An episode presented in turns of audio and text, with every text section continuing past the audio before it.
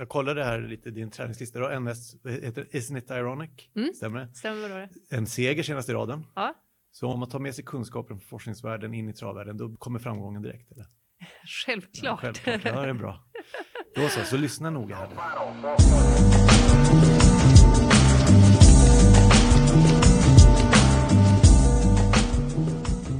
Det är en konst att träna travhästar och självklart letar alla travtränare efter någon sorts facit för hur man ska gå tillväga. Men det där facit det finns ju inte, det vet vi också. Eller? Kan man med vetenskapliga metoder närma sig travträningskonstens sanning? Jag begav mig till Vången för att träffa Malin Connisson. Hon är forskare och hon försöker knäcka träningsnöten i sina forskningsprojekt. Du lyssnar på Träningsbiten, en podd om travträning med mig, Kasper Hedberg.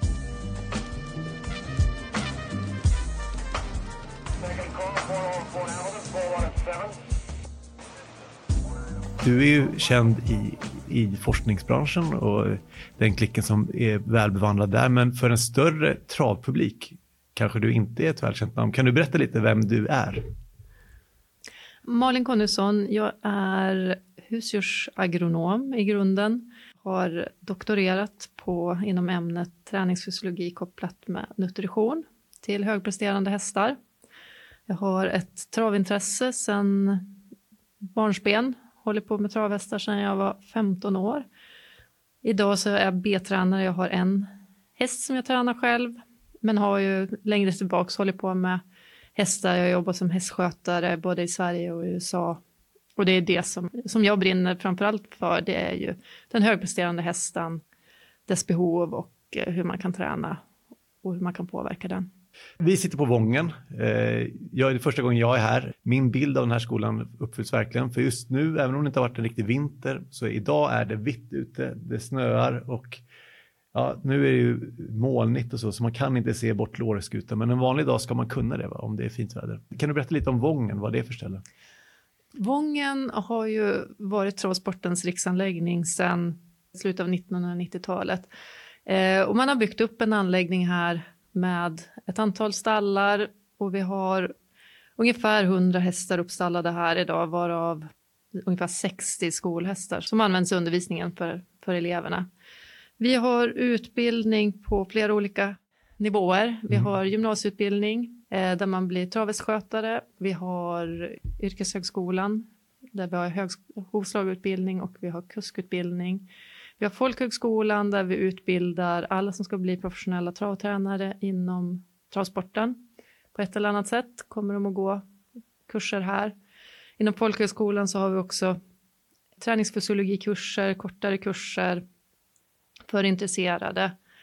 Och sen så har vi vår universitetsutbildning som är hippologutbildningen som är treårigt kandidatprogram där man kan läsa inriktning islandshäst eller travhäst. Och förutom det så har vi ett uppdrag att skapa och sprida ny kunskap inom islandshästsporten och travsporten. Precis. Du nämnde den här kuskutbildningen. Jag ska bara säga det för alla er som lyssnar tror att man kan bara gå en kurs för att bli kusk och åka ut med sina vita handskar och köra lopp. Det här är en kuskutbildning för brukshästar. Va? Så om ni Precis. anmäler er till den här kursen och kommer in och går den så kommer ni bli lite besvikna. kanske. Men det är säkert jättespännande ändå. Precis, ja men det, det är ju brukshästarna som kommer tillbaka Ja. i samhället. Eh, De var här på Vången tidigare va? Precis, när travskolan flyttade hit så tog vi över efter bruksnordisarna. På Vången bedrivs också en hel del forskning och mycket av denna forskning riktas mot just travhästar och träning. Och du är då forskningsansvarig på Vången. Så vad finns det för forskning kring travhästen i Sverige? Vi, vi har ju flera som, som forskar inom häst på olika sätt. Ganska få som håller på med just travhästar. Sen så är det ju en del av forskningen som är allmängiltig som gäller för alla typer av hästar. De som håller på med hästforskning är ju framför allt folk som sitter på SLU i Uppsala. Där finns det ju flera olika inriktningar. Det är ju både veterinärmedicinskt, det är husdjursvetenskapligt, alltså lite mer utfodring, eh, genetik, stallmiljö, ja, flera olika aspekter som man, som man kan forska. Men ni touchar nästan alla de här eh, aspekterna här på Vången va? Ja, precis. Och här på Vången så har vi som ambition att vara en resurs för de som håller på med, med forskning för hästar. Så att de kan komma hit, hyra in sig och eh, använda sig av våra hästar som, som vi har. Vi tränar dem, vi utfodrar som man, alltså det går att anpassa efter olika typer av studier. Men sen så bedriver vi också en del egen forskning och där har vi haft allt från stora forskningsprojekt, eh, till exempel i mina doktorandstudier, till det som vi, vi kanske gör mest till vardags så har vi ett antal studenter som ska göra sina examensarbeten. Är det hippologstudenter? Hippologstudenter, precis. Så där producerar vi små miniprojekt, ett par stycken varje år. Är det att jämföra med C-uppsats eller går det att göra sådana? Kandidatuppsats. Kandidatuppsats. Ja. Men du har doktorerat då? Kan man kalla det doktor i trav? Eller vad, vad, kan, vad är den officiella titeln? Agronomie-doktor. Agronomie-doktor. Ja. Fick du doktorshatt? Eh, jag fick låna en. Fick låna en? Hyra en, ja. okay. men, men jag, jag hade kunnat köpa en. Ja. ja jag förstår. Eh, och du nämnde det själv tidigare, men ditt expertområde är då hur eh, man kan påverka energiomsättningen i musklerna. Stämmer det? Eller? Ja, eller liksom vilka effekter vi får av olika utfodringsstrategier, olika hästhållnings, saker vi gör med hästarna och det, hur det påverkar dem. Och då är en av sakerna som vi tittar på bland annat, det är ju energiomsättning. Mm. Och då blir det ju, förklaringsmodellerna blir ju liksom på muskelenergiomsättning. Ja. Vad heter avhandlingen? um, ja, det var en jättebra fråga. Någonting, på engelska eller? Ja. Allt skrivs på engelska? Ja. Ja, jag har försökt läsa lite. Det, menar, om det är tillräckligt svårt på svenska förstås, så var det, det låter eh, som utomjordiska när man liksom ska läsa de här alla begreppen på engelska ja. och försöka förstå. Och där har ju vi ett ansvar som forskare att skriva även populärvetenskapligt mm. eh, på svenska. Och, och, läser man en forskningsavhandling eh, så, så, finns det även populärvetenskaplig del som är skriven, en sammanfattning på svenska. Och sen så försöker vi i samband med olika studier så försöker vi skriva på svenska eh, på ett bra sätt. Liksom. Ja, men vi kan prata lite mer om det sen, hur ja. forskningen liksom sprids och hur den tas emot i branschen och hur det påverkar vad som faktiskt sker hos olika travtränare eller andra aktiva. Men eh, beskriv din avhandling i några meningar då, för ni tittar på, det är flera olika aspekter ni har tagit upp, eller du har tagit upp. Va? Vi har tittat på grovfoderanvändning, att kunna använda en större andel grovfoder till högpresterande hästar och mins, därigenom då minska andelen kraftfoder och hur det här påverkar då högpresterande hästar i med både kroppsvikt, hur det påverkar svaret vid hårt arbete. Och sen så har vi fortsatt då med att titta på hur transport påverkar mm. eh, när man sticker ut och springer travlopp och vi har tittat på hur hästhållningen, om man har häst i box eller om man har den ute i, en aktiv grupphästhållning, hur det påverkar återhämtning. Och hur lång tid tar ett sånt här projekt? Det här, din avhandling, hur, hur många år jobbar du på den? Eh, nu har jag gjort det här på halvtid ungefär och då är det motsvarande fyra års heltidsstudier. Okej, okay. när blev du klar? Eh, jag blev klar 2018. Men det är ju ett arbete som sträcker sig över många år. Ja, packa era skrivböcker och pennskrin i en Salomon-ryggsäck och sätt er till rätta i skolbänken. Nu ska vi försöka djupdyka i Malin Connissons olika forskningsprojekt. Det du nämnde först var ju då grovfoderdiet mm. eh, versus kraftfoderdiet. Ja. Hur gick den studien till? Den studien som är med i min avhandling så tittar vi på ren kroppsvikt och hur det påverkar vätskebalansen under fasta. Det vi gör i många av våra studier det är att vi jämför hästar med sig själv. Vi tittar ofta på ganska få individer därför att vi, vi, vi försöker ha allting runt omkring dem så kontrollerat vi bara kan. Sen så tar vi ganska mycket prover när vi väl tar prover och det gör att vi liksom försöker hålla ner antalet hästar. Hur, eh, hur många hästar var det i den här undersökningen? I den studien så hade vi 12 mm. hästar. Det är ganska många.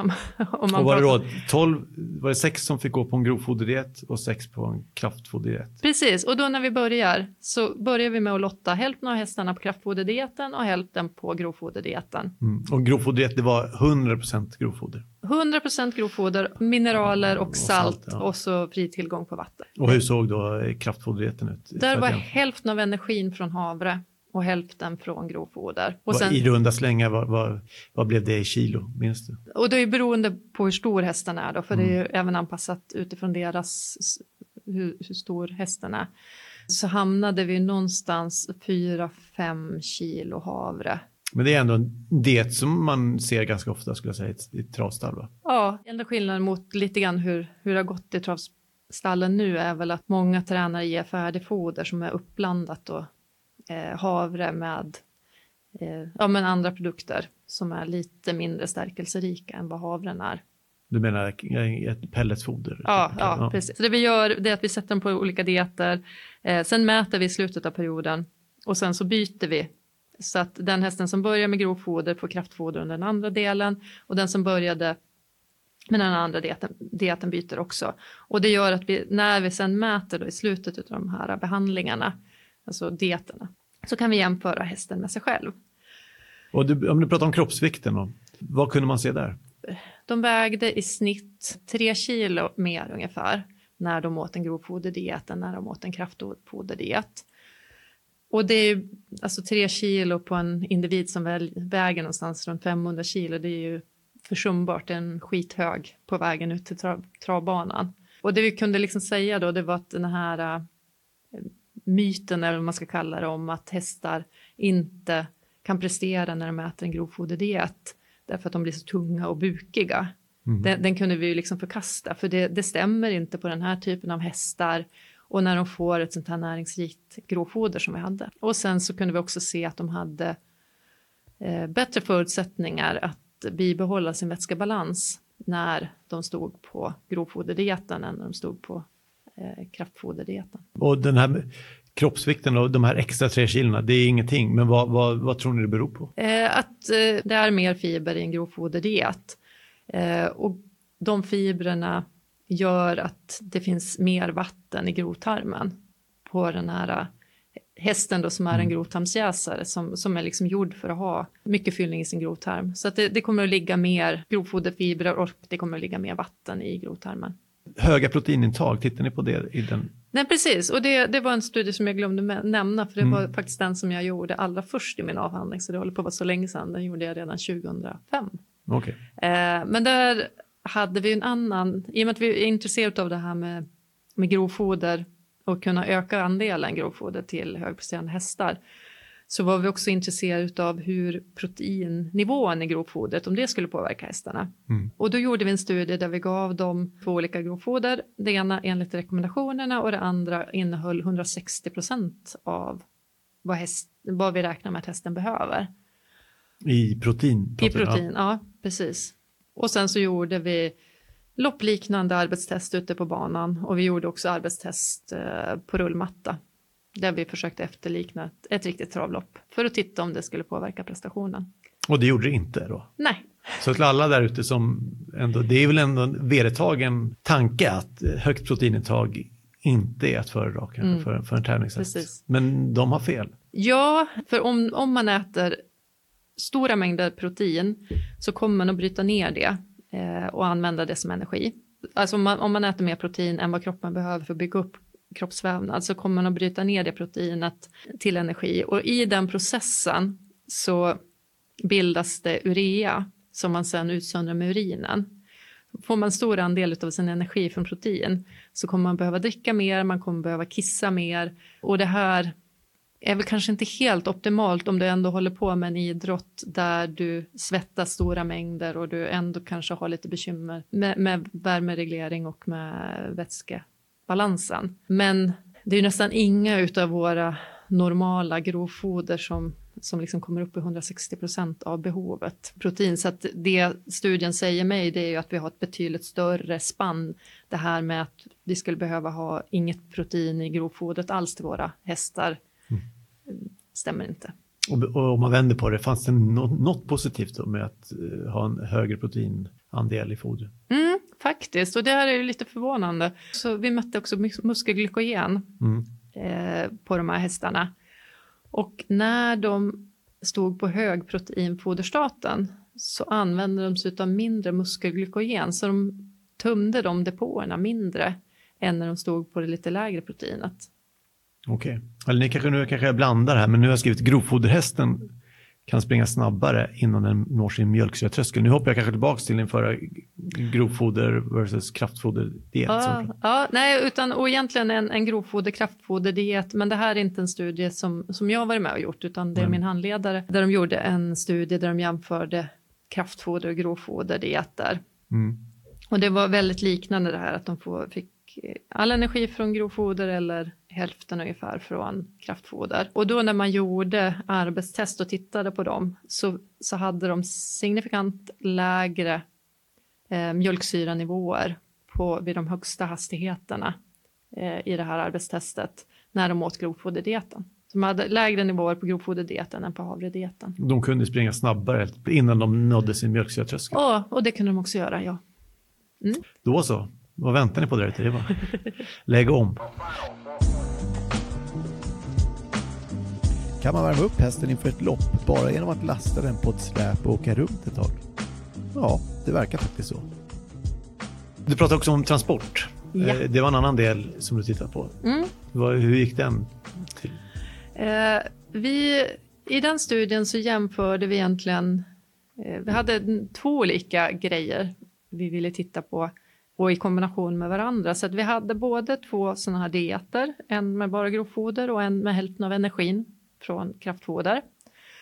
Och sen så transporterade vi dem 10 mil eh, innan vi, vi skjutsade ut dem på banan eller vid det andra tillfället så fick de stå hemma och gjorde samma arbetstest eh, men utan att ha blivit transporterade innan. Och, och, Vad kunde man se? Ja, och det som förvånade oss en del, det var att det här, den här transporten, 10 mil transport innan loppet, påverkade vilken typ av energisubstrat som hästarna verkade användas utav. Eh, så det verkar som att, att stå på transporten ja, en och en halv timme som det har varit på de här hästarna nästan ger någon typ av uppvärmningseffekt som verkar trigga igång fettförbränningen hos de här hästarna, vilket gjorde att, att de använde sig av mer av fettsyran acetat under själva arbetet, under själva loppet och de hade högre blodglukosvärden direkt efter loppet när de hade blivit transporterade. Kan man säga att de egentligen hade mer att ge då? De hade mer energi kvar i musklerna som skulle kunna omsättas till Ja, och, och just muskelglykogen har vi inte mätt, utan vi, vi mätte bara i, i den här studien, utan vi mätte blodglukos då i, det, okay. i det här fallet. Så att de hade högre blodglukosnivåer, vilket tyder på att man använder sig av fett som, som energikälla istället under själva arbetet.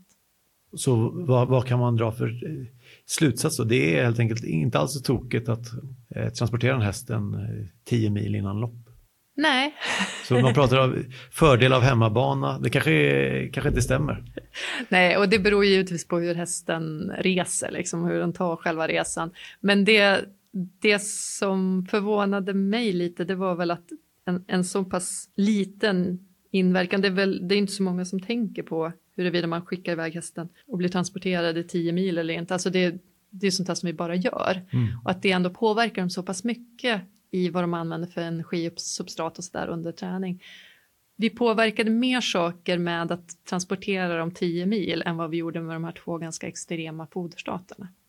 Vi gör saker med hästarna som har större inverkan än vad vi kanske vågar eller tänker att den skulle ha. ja, påverka.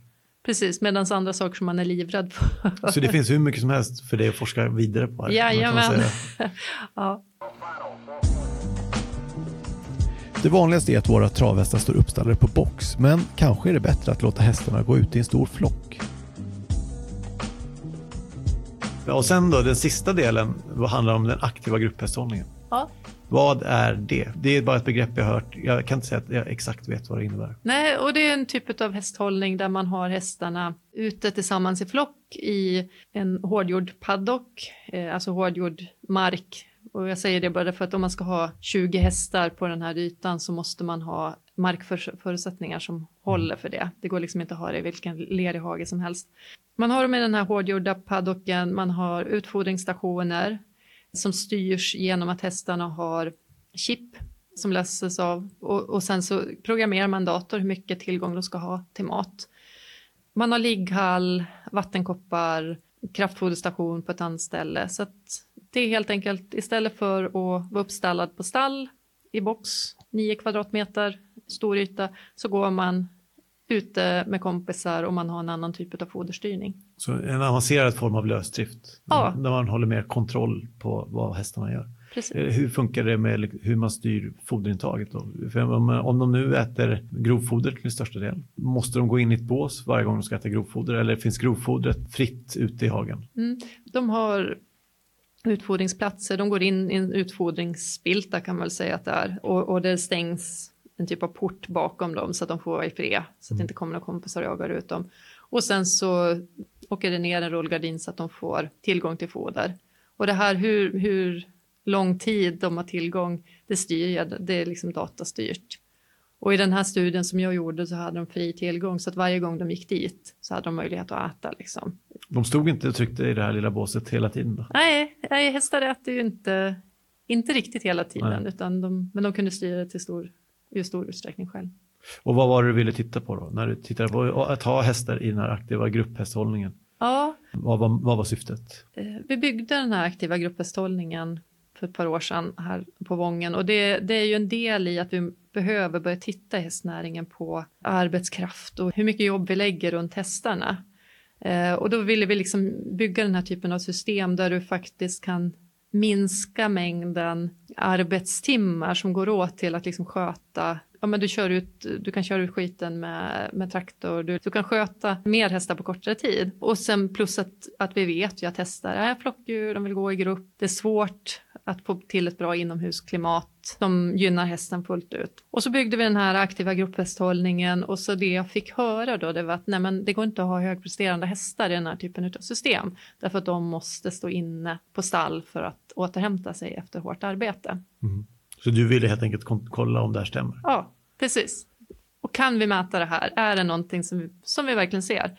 För jag tycker att det är väldigt intressant när man kan hitta förklaringsmodeller på varför, ja men någonting som man alltid har gjort, varför funkar det eller varför funkar det inte och vad är det vi lägger ner tid på som egentligen inte har någon effekt. Och det, och det här vart ju en sån typisk, ja men här har vi någonting som verkar jättebra för eh, hästbranschen i stort, liksom ett annat tänk på hur vi håller hästar. Går det då inte att återhämta sig måste man stå i box och vila. Hur stora är hästgrupperna? I det här fallet så, eh, så hade vi åtta hästar. Så vi hade fyra hästar samtidigt i den aktiva grupphästhållningen och vi hade fyra inne på box. Och de som stod på box då, de följde de, de normala rutiner som vi har med att de går ut med sina kompisar på förmiddagen och så kommer de in sen. Och andra gruppen, de gick ute dygnet runt. Ja, Har, det finns en ligghall de kan gå in i? eller? ja ligghall, mattor. Mm. Och direkt efter snabbjobb eller lopp så var det ute i, i gru- grupphästhållningen? Ja. Precis, att vi gjorde, vi, vi gjorde precis som med de andra försöken, vi lottade in dem i två olika grupper. Där den ena, ena gänget fick börja i ena systemet, andra gänget i det andra systemet. Och sen så la vi faktiskt in två arbetstest på varje behandling så att vi liksom skulle få riktigt mycket data på att vi verkligen hade ansträngt dem och vad som hände efteråt. Så vi lastade in dem i transporter. Vi åkte in till travbanan i Östersund för vi ville få så, så lika verkligheten, förhållanden som möjligt. Och sen så åkte vi hem och så började vi mäta liksom vad hände efteråt. Och vad gick det att se då? Att det var nästan inga skillnader mellan om de stod på box eller om de stod i den aktiva grupphästhållningen. Fanns det något positivt då Ja. som man kan hämta hem? Eh, det som var positivt med att gå i den aktiva grupphästhållningen, det var att de åt mer grovfoder, för de här hade fri tillgång, så de fick själva, så vi såg till att de hade grovfoder hela tiden. Och de fick välja själv hur mycket de åt, och då åt de större mängder när de åt, gick i den aktiva grupphästhållningen. Vilket ju kan vara en fördel om man har en högpresterande travhäst, därför att en av begränsningarna är ju det, dels ibland bristande aptit när de går riktigt, riktigt tufft. Mm. Okej, så de, hästar äter mer om, om de får leva mer hästlikt så som de är byggda för och gjorda för? Ja, ä- att de går eh, på ett annat sätt i alla fall än hur vi presenterar maten i boxen på golvet. Mm. Och sen så mätte vi även, vi försökte mäta gallorna ovanför koterna bak. Det här var ju gamla rutinerade tävlingshästar som hade varit med och, och de hade lite galler ovanför bakkotorna. Och de här mätte vi och då kunde vi se att de här var något, eller de här var lite mindre när de gick i den aktiva gruppavstållningen än vad de var när de stod i box. Kan man tänka sig att det kan ha med att de rör sig mer? Då? Ja, absolut. Och vi försökte mäta rörelse nu. Den rörelsemätningen spökade för oss så att vi fick inte riktigt till riktigt bra mätningar. Men det verkar ju som att de går betydligt mycket fler steg. Mm. Annan forskning som har gjorts här på Vången är där ni har tittat på hur reducerad träningsdistans på unghästar kan påverka huruvida de kommer till start eller ej. Berätta lite om den forskningen. Mm. Eh, och det brukar jag kalla den för Unghästprojektet. Unghästprojektet. När den genomfördes 2010 och mm. till och framåt något sånt? Så. Ja, precis ungefär där någonstans. Jag är så dålig på årtal. Hur gick det till då? Eh, där hade vi 16 hästar, unghästar som vi tog in här. De kom in på hösten som ett och ett halvt åringar. Så, som ett vanligt upplägg som man säger. Ni, ja. ni åkte till kriterieaktionen och köpte de här? Nej, vi, men, men i, ja. hypotetiskt. Ja, hypotetiskt. Sen så lottades de också in i två, eller lottades och rank, alltså vi försökte sätta dem så att de ska ha lite liknande förutsättningar. Det är ju menar, en häst som har en pappa som är liksom superduper bästa avsingsten du kan ha eller lite sämre. Alltså vi försökte liksom rank... Ni, rang, ni, ni gjorde grupper helt enkelt? Ja, vi, vi rangordnade dem lite grann i poäng och sen så lottade vi dem.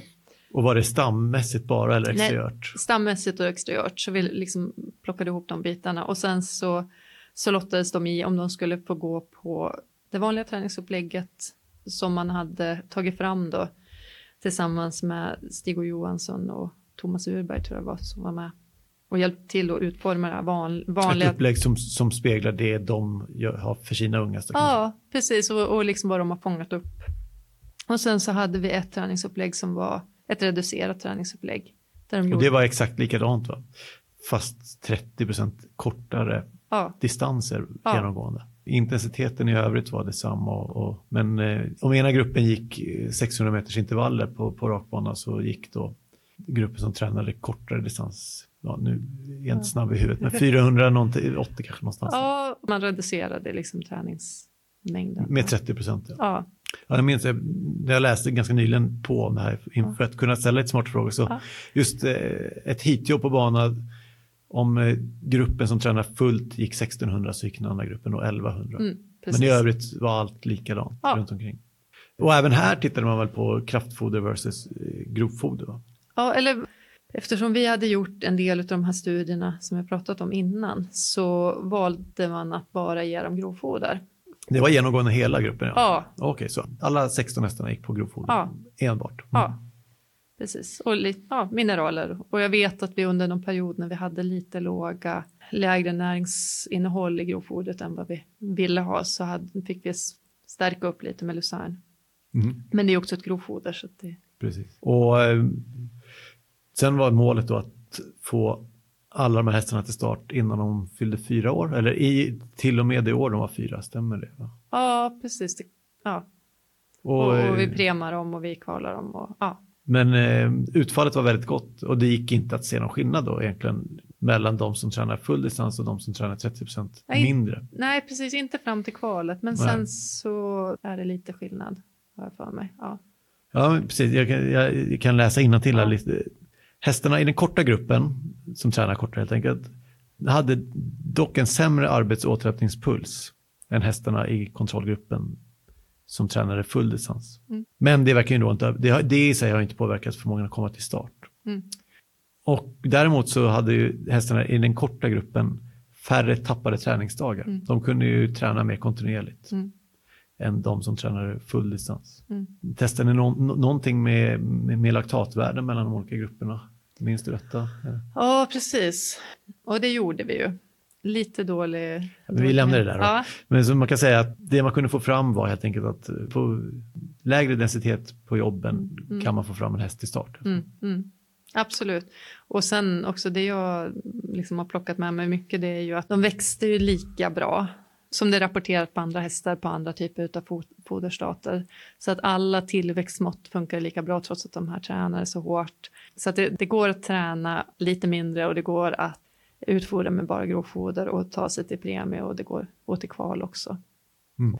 De presterade ju lika bra eller bättre än sina syskon Eh, och, och man jämför med resten av Sveriges liknande population och sådär. Så att det här funkade alldeles, alldeles utmärkt. Perfekt. Idag då, vad håller du på med nu?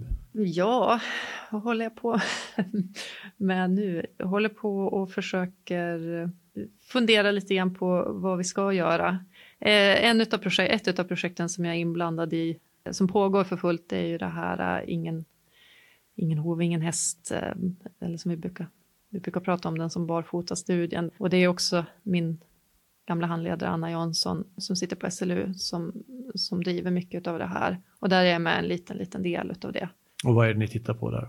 Vi tittar på olika saker i hoven som påverkar om den en hov som, som kan springa utan skor mycket eller om den behöver ha skor. Alltså vi kan se olika egenskaper. Vi kommer att titta på om det går att härleda det här genetiskt. Vi tittar på slagskador i samband med travlopp. Om det är så att de, de slår sig olika mycket. Vi tittar på om det verkligen är så att de springer snabbare. Om de eh, springer med mm. eller utan skor och vad som händer mer. Alltså analysera sportdata. Och de resultaten är ju klar ganska snart. Så i år kommer det här presenteras? Ja, första data, det här sportdata och titta på hur, hur barfota körning påverkar sportresultat och galopprisk och så. Det kommer publiceras när som helst. Mm. Det ligger inne för granskning den artikeln. Och sen så ligger, ja, vi, vi jobbar på. det ligger mycket resultat på gång. Det finns ingen delstudie som är klar. Det är inget, inget, man kan säga, en liten sneak peek på vad vi kommer få veta här om, om barfotakörningen. Nej, men lite för, för tidigt. Lite för tidigt. Ja. Snart då. Ja, precis. Just den här äh, sportdata, i och med att där är ju resultat, alltså där har man ju använt sig av de sportdata som vi har redan på ST och så. Efter att denna intervjun gjordes så har denna delen av forskningsprojektet släppts. Och vad kom man fram till? Jo då, barfota hästar springer i genomsnitt snabbare än hästar med skor. Närmare bestämt 0,7 sekunder snabbare per kilometer om hästen är barfota på alla fyra hovar. Dock ökar då galopprisken med mellan 15 och 35 procent. Men vad man också kunde se var att galopprisken inte ökar om hästen har skor på bakhovarna men springer utan skor på framhovarna. Med det upplägget var galopprisken densamma som med skor på alla fyra hovarna. Men hästen kunde springa i snitt 0,3 sekunder snabbare per kilometer. Och den andra delen då, när ni tittade på hoven? Och... Ja, och där mm. håller vi fortfarande på att samla hovar från hästar och börja För ni har varit runt på tävlingsbanor? Ja, precis, och det har vi också varit och det är ju det här med slagskadorna och, och samlat barfota hästar och hästar med skor för att titta på om vi kan se någon skillnad i hur det påverkar hästarna. Men, men där kommer vi att gå vidare. Jag ska göra en liten pilotstudie där under våren. För vi varit vi har varit mer förvirrade av resultaten än vad vi liksom okay. kände att vi kunde. Den hypotes ni hade var, stämde inte riktigt? Då? Nej, precis. Vi hade, det finns ju någon sån här äh, att, att man när man rycker av skorna, att de går barfota, att de inte slår sig lika mycket. Äh, mm. Att de inte behöver lika mycket skydd, att man kan liksom länga käken lite och man kan liksom göra så här. Och, och på de här hästarna som vi har samlat data ifrån så ser man inte alls den här typen av tydliga mönster. Okej. Okay. Men handlar det om att folk fortsätter använda samma typ av skydd eller ni tittade på verkligen var slagen kom, ja. om de kom? Och, ja. och de gick inte friare bara för att de var barfota? Inte de här hästarna Nej. och då är det ju, ja, vi gjorde ingen rörelseanalys utan vi gjorde en ganska Alltså vi, vi filmade ju inte med en höghastighetskamera eller liksom sånt utan vi, vi gick runt och tittade på hästarna efter loppen och vad man kunde se på mm. skydd och på, på ben. Och så. Intressant. Mm. Hur, hur, finansieras forskningen? Vi, vi har två stora finansiärer som, som bidrar med mest pengar och det är väl Formas som, och sen så har vi stiftelsen Hästforskning som, som finansierar mycket forskning och då är det ju så att man, man skriver som forskare så skriver man forskningsansökningar till de här fonderna och sen så, så får man reda på om man får finansiering eller inte. Är det, är det så att man liksom måste genom tio avslag innan man, man till slut träffar rätt eller hur funkar det? Ja. Ungefär så? ja, Modifierar man då sin ansökning eller, eller är det med här, då får vi släppa den biten och titta på något helt annat? Ja, men ofta så försöker man ju modifiera. Man får ju lite feedback och hinner tänka lite annorlunda och sådär. Och sen så är det så att det inte går igenom om man har provat flera gånger så då brukar man släppa den idén. Eller så, vi har ju till exempel möjlighet här, ibland så har man ju haft någon idé och så har man inspirerat någon student att göra ett examensarbete. Det kräver ju inte samma typ av resurser men det kan ju bli en typ av pilotstudie och det kan ju göra att man antingen då väljer att gå vidare och, och använder de resultaten från examensarbetet som underlag för sin ansökan eller så inser man att nej, men det här var inte så intressant som jag trodde. Mm. Men all forskning du har varit delaktig i eller som andra också gjort här, som det, det finns empirisk fakta att ta del av och tycker du att branschen tar åt sig av det ni kommer fram till? Både och.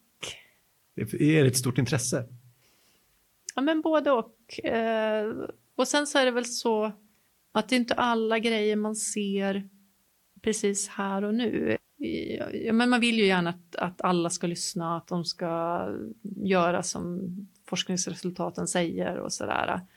Men vi ser ju ändå en del Tittar man tillbaka på när jag började till exempel undervisa för de som ska bli tränare. Jag började ju här på Vången 2002 mm. och, och, då började jag undervisa för de som skulle bli tränare då. Och när vi pratade foderstater till de hästarna som de tränade så, så var det ju många av de hästarna som fick väldigt, väldigt mycket kraftfoder. Vi, vi gjorde ett examensarbete, en studie på det här för fyra år sedan nu, fyra eller ja, så var det en tjej som, som gjorde sitt examensarbete och då såg vi ner, såg vi i den att hästarna idag kanske får i snitt tre kilo kraftfoder. Så, så det är klart att... Okej, okay. Det har, lite har gått in. Jo men precis det händer men det kanske inte är precis eh, så att man lyssnar på mig men att det händer men det händer långsamt. Och hur, hur sprids forskningen? För jag misstänker att äh, alla aktiva inom travet går inte in och laddar ner din avhandling och sätter sig och försöker läsa den. Men hur, hur kommer, för det måste vara ganska intressant för dig att ändå det kommer ut, ja, budskapet. Precis. Eller, eller kunskapen. Ja. Och vi försöker på olika sätt, dels att skriva populärvetenskapliga texter, ställa upp på sådana här intervjuer, mm. vara med i radio och tv-inslag. Eh, ja.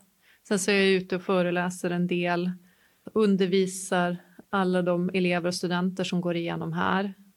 Ja, vi försöker sprida så mycket som möjligt. Sen så har vi ju försökt också att ha med, få med travsporten och islandshästsporten genom att ha speciella forskningsseminarium där vi ses och pratar.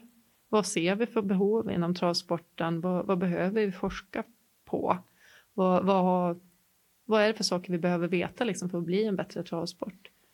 Har du koll på internationellt hur det ser ut med, med forskning på tävlingshästar? För jag menar, säg galoppsporten är ju gigantisk mm. utanför Sverige. Mm. Det borde ju finnas mycket forskning där, tycker ja, jag. Ja, och det har det gjort och mycket av det vi vet om träningsfysiologi och den högpresterande hästen kommer från galoppsporten och det man har gjort på dem. Och det är en hel del studier som sker. Mm. USA, Australien, Storbritannien, Frankrike, Tyskland. Ja. Finns det något annat utbyte mellan er forskare, mellan länderna? Ja, jo men det, och det gör det ju. Eh, och det är ju en av trögheterna kanske i det här forskningssystemet därför att man, man börjar ju med en projektidé. Mm. Jag, jag, får den här fantastiska idén liksom att det här behöver vi forska om på hästar. Jag söker pengar från någon av forskningsfonderna och det, där får man ofta besked i december. Jag skickar in min ansökan i början ja, i juni, om vi pratar stiftelsen hästforskning, så skickar jag in den i juni. Jag får reda på om jag får pengar i december och sen så kanske det tar ett år, ett och ett halvt att genomföra studien, att bearbeta alla data, att skriva ihop det, att liksom vrida och vända på det. Och sen för att kvalitetssäkra att det jag har gjort faktiskt liksom håller måttet, att det här, jag har mätt saker som är relevanta, det här är, ja, så skickar man ju in det här till internationella forskningstidskrifter och det är mycket för att andra forskare ska mm. läsa och, och också kritisera det jag har gjort. För men det, det, kan jag ju inte förvänta mig att alla ni då som laddar ner avhandlingen, att man ska ha den förhandskunskapen. Men, men det blir ju en kvalitetsäkring att i och med att jag får det här publicerat i en internationell forskningstidskrift så är det ju ändå andra forskare som har sagt att ja, men det, här, det här håller måttet, det här är någonting som vi också tror på. Och, och, den typen av samarbeten har man ju. Sen så är vi ute på internationella konferenser, träffar mm. varandra. Eh, jag var iväg till Australien november 2018 blir det mm. Eh, och presenterade en del av våra resultat där och andra presenterar sina resultat och man liksom, det föds nya tankar och idéer. vad är det, när, när du träffar andra forskarkollegor, vad tycker de är mest intressant i din forskning? Vad, vad studsar de på? Så, aha, var det så här? Ja, men det, det, här med grovfoderforskning har ju inte riktigt slagit igenom. Även om jag kan bli frustrerad över att vi skulle kunna minska kraftfodergivorna ännu mer, så för många av forskarna i USA eller Storbritannien eller så, så, så, är det ju en utopi att man skulle ha så bra grovfoder som vi har i Sverige så att man kan ge så stora Vi är bortskämda här. Vi är jättebortskämda. Så det är, den delen av forskningen kanske mest går att applicera på det nordiska klimatet? Eller? Ja, eller så måste de bli bättre på grovfoderproduktion mm. i an, andra delar av världen. Och, och, i USA tänker jag att där handlar det väl mycket om tradition bara. Att man har inte haft det här intresset fullt ut. Där kan man ju ha liksom fler vallfoderskördar på ett år i vissa delar av USA än vad vi kan få till här till exempel. Så det, det handlar väl om kunskap och intresse. Om man vänder på det, finns det någonting i den internationella forskningen som du tycker skulle vara intressant att lyfta här i Sverige? Den kanske är svår att ta så här på uppstuds. Men... Ja, precis. Uh, jo, men och det är väl kanske mycket metoder och så där som man tycker är intressant. Lite olika energiomsättnings, uh, alltså hur man kan mäta syrekoldioxidutbyten, lite sådana bitar. Ja, men det, det, det finns, och det, det är det som är intressant liksom, och så plockar man en bit på en studie som de har tänkt där och så, mm. ja, så vidareutvecklar man och tänker travhäst och de förutsättningarna som finns för dem. Men i travbranschen har vi pratat mycket om svårigheten att få bra personal och kan, kan den aktiva grupphästhållningen skulle kunna vara svaret på den gåtan? Då, menar Ja, en, en av pusselbitarna. Mm, det kräver mindre, mindre folk helt enkelt i stallarna. Ja. Eller det finns ju inte en stallar, utan man, man behöver ingen stall, du behöver bara, behöver bara ha hästen. Ja, absolut. För jag, tror att vi måste börja värdera lite grann vad vi gör med hästarna som faktiskt spelar roll för dem. Alltså, och vad det är lätt är... att gå i traditionen, traditionens spår. Ja. Så, så, här har vi gjort och därför gör vi det nu igen. Ja, och, och liksom så länge man, nu tycker jag ändå att det har börjat förändras en del, men, men om man har en sån väldigt traditionell syn att god hästhållning det är att man har ett snyggt täcke, vita bandage upp till knäna och eh, halm upp till magen. Det är liksom det optimala, då har man den mm. bästa hästhållningen i en liten box. Men, men då behöver man ju börja fundera på liksom, vad, vad är det här för djur vi håller på med? De har behovet av social kontakt, de rör på sig, de ska söka föda stor del av dygnet. Ja, men det, det finns ju massor av saker som inte har förändrats trots att de springer jättefort. Eh, och då kan man då kombinera de här grundläggande behoven hos hästarna med att vi faktiskt kan få till ett effektivare sätt att sköta om dem så är ju ett sånt där som aktiva grupphästhållningen till exempel eh, jätteintressant. Och då kan man ju använda den personalen som man har till att eh, göra det som man behöver göra, det vill säga träna häst eller åka iväg på tävling med hästar eller... Ja, ypperligt avslut här och tips här på hur alla stall kan lösa personalproblematiken. Men eh, ett stort tack ska du ha. Jag känner mig jättenöjd. Jag har lärt mig en massa. Hoppas att ni alla som lyssnat också gjort det. Ja, men tack så jättemycket. Tack ska du ha, Malin Connisson. Du har lyssnat på podcasten Träningsbiten. På webbplatsen www.traningsbiten.se hittar du mer information och fler avsnitt. Och skicka gärna en hälsning till mig, Kasper Edberg, på hejattraningsbiten.se.